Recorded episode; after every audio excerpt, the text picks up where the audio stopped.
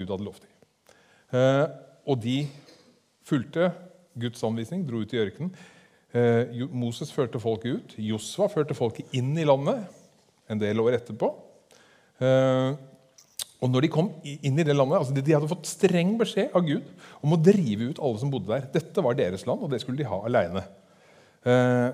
Det gjorde de ikke. De syntes at noen av de folka som bodde der, var kjempeskumle. Så de skulle de ikke klå på.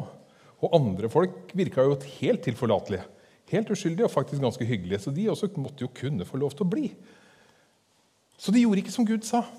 Med det til følge at etter en liten stund så begynte de å adoptere skikkene og gudene og livsførsla til mange av de folka.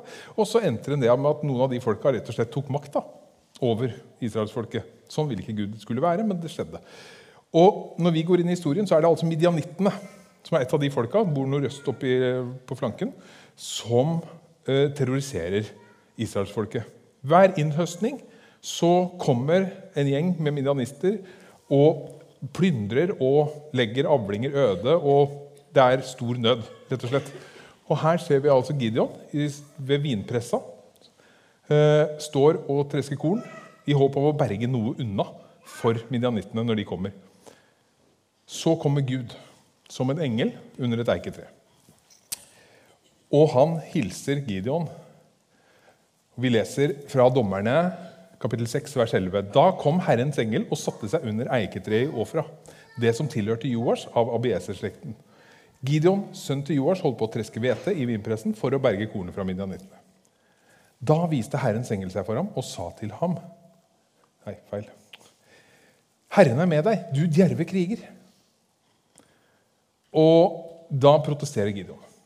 Fordi at her er det tydelig at Gud ikke har lest disktesten til Gideon. Eh, Så han begynner å argumentere. Hør på meg, Herre. Hvis Herren er med oss, hvorfor har da alt dette hendt? Hvor blir av alle hans under, de som fedrene våre fortalte oss om? De sa det var Herren som brakte oss opp fra Egypt, men nå har Herren forlatt oss og gitt oss i hendene på midjanittene. Jeg hører liksom sånn i moderne språk litt Jeg vet at Jesus gjorde store under. Jeg vet at de første disiplene gjorde det. Jeg har hørt at det har vært store vekkelser i gamle dager. Men nå, da? Hva skjer nå, da? Vi lever midt i en sekulær verden. Har Gud forlatt oss? Historien gjentar seg, sant?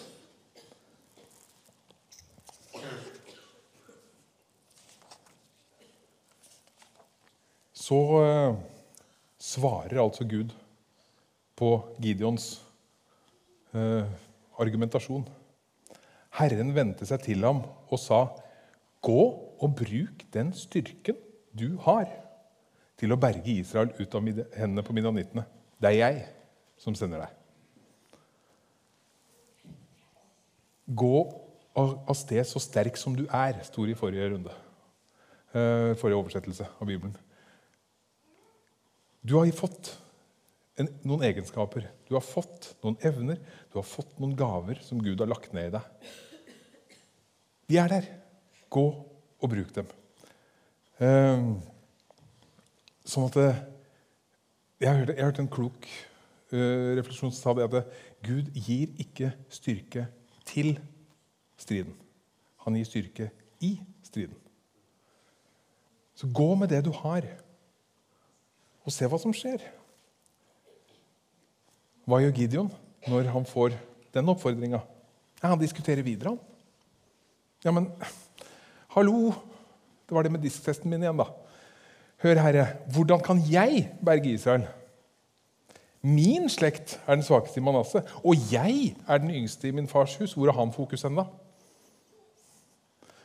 Eh, han ser altså veldig nøye på begrensningene sine, på hvilket potensial som ligger i han, og på hva han kan. Og det er ikke stort, syns han.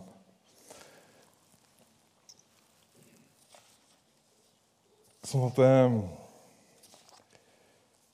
Vi har ofte prøvd ting i vår sammenheng. Vi har tjent i vår menighet og i våre liv så har vi tjent Gud på mange måter.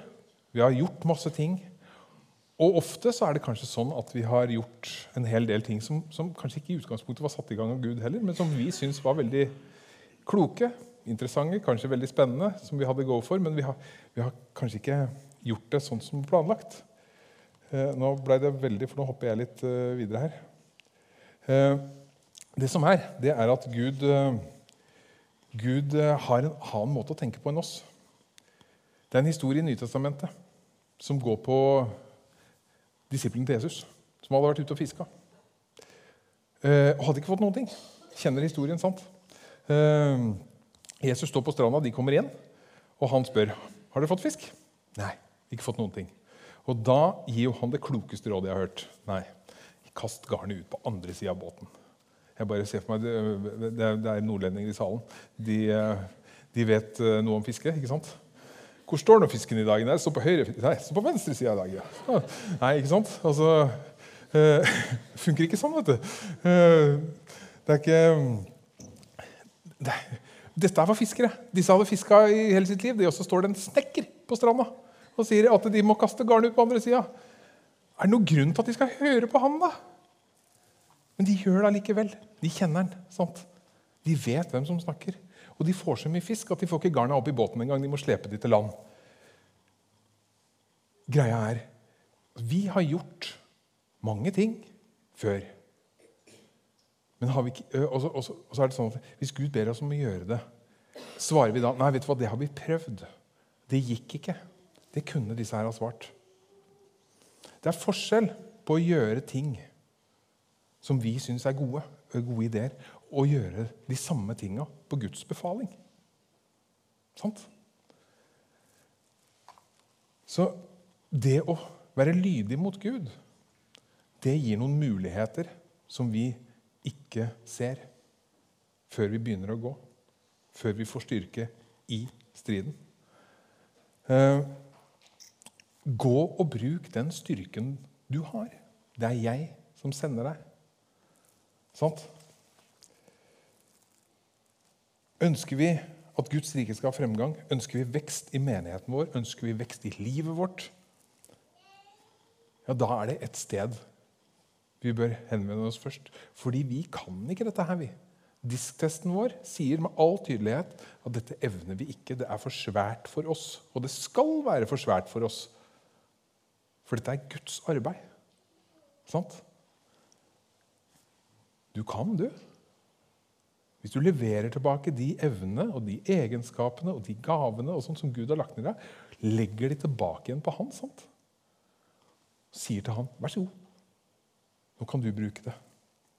Åssen gikk det med Gidon, da? Det syns jeg jo er spennende. Fordi eh, han, for, han, var jo, han, var som alle oss andre. Han var ganske kronglete.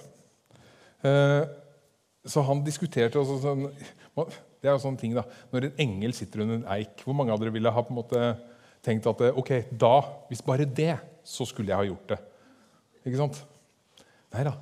Vi diskuterer og krangler uansett, vi. Vi, er, vi, vi, vi må gå omkamper, vi. Vi er sånn, vi. Og, og, og bare som digresjon, det fine med Gud når han sitter der altså, 'Jeg skal bare', sier Gideon. Det er det første han sier. Uh, han skulle bare gå og samle litt uh, greier som han kunne ofre til Gud. Hva svarer Gud da? 'Det er greit, det. Jeg blir her til du kommer tilbake', sier Gud. Gud har ufattelig tålmodighet med oss. Sant? Uh, så det er greit. Vi må gjerne, og det, er kanskje, det, er kanskje, lurt til og med å sjekke og være sikre når Gideon kommer tilbake. Så legger han dette offeret framfor Gud. Så tar engelen fram staven sin. Smakk. Litt sånn Så setter han fyr på, på offeret med, med, med staven sin. Heavy. Men så da skal Gideon ut, og så skal han ta opp kampen mot midjanittene. For etter noen runder så, så, gjør han det som han gjør. Han stiller med 3 34 000 mann mot midjanittenes, eller fiendehærens 15 000. Lett match, ikke noe problem. Hva sier Gud da? Nei, nei, nei. Du har for mange folk. Jeg vet jeg har mange folk. Jeg må ha mange folk. Jeg skal slå fienden. Jeg må ha mange folk. Nei, du har for mange folk. Nei, jeg har ikke det. Jo. Så Gideon får beskjed om at nå kan du bare si til alle de som ikke har lyst til å være med, at de kan reise hjem. De som har ulike grunner er litt engstelige. eller sånn. 22 000 mennesker bare drar. Han står igjen med 10. 10 000 mot 15 000, ja ja, da begynner det å Nå, da. Nei, det er fortsatt for mange folk. Så Gud eh, siler ut noen til. Til slutt så står Gideon med 300 igjen. Da kan du ta de 300 her, og så kan du gå mot de 15 000 der. og så hmm, Ingenting som skulle tilsi at det kunne gå bra. Men Gud hadde, Gud hadde helt tydelige planer for hvordan dette her skulle gjøres også. Så han ga, ga Gideon metoden. Og Gideon fulgte til slutt etter mye om og men Guds vei, og det ble seier. Eh, så det er altså, Med all tydelighet så kan Gud få til mye, mye mer hvis vi bare gjør som han sier, enn hvis vi tenker at vi har mange gode ideer sjøl. Så gå og bruk den styrken som er i deg. Den styrken vi har som menighet. Levere det tilbake til Gud. La Gud Og så tar vi de ekstra rundene, da. Og så gir Gud oss tid. Så, men, men, men viktigst er at vi, vi ender på riktig sted. Slippe Gud til fordi vi kan, og du kan fordi Gud kan. I gamle dager så hadde Det er mulig de har det av og til ennå, men altså, minneord hadde vi på, på søndagsskolen og jeg gikk på søndagsskolen. Det er et sånt fint minneord tenker jeg, å ta med seg fra den søndagen. Så kommer det altså ikke an på den som vil eller anstrenger seg, men på Gud som viser godhet. Dette er Guds arbeid. Og det er Gud som har kapasiteten. Det er Gud som har ressursene. Så sprenger det disksesten vår, da. Hvis vi gjør det med Gud, for Gud, så gjør vi det også med ro og fred på innsida. Så blir det ikke så strevete og kavete. Så la oss gi det tilbake til Gud. Alt vi har, og alt vi er. Og la Han gjøre det gjennom oss. Vi kan. Fordi Gud kan. Kjære Jesus. Takk for at du er tålmodig med oss. Takk for at du bryr deg så uendelig om oss, hver enkelt av oss. Og at du møter oss på den måten vi trenger å bli møtt. Ber deg nå, Jesus, at du hjelper oss til å komme til deg med det vi har, og la deg ta det. La deg gjøre det ut av det som du hadde tenkt. Du ser at vi har behov for trygghet og sikkerhet og går noen omkamper og takker deg for tålmodigheten med det. Men led oss på den rette vei, sånn at du får din vilje med oss, Jesus. Amen.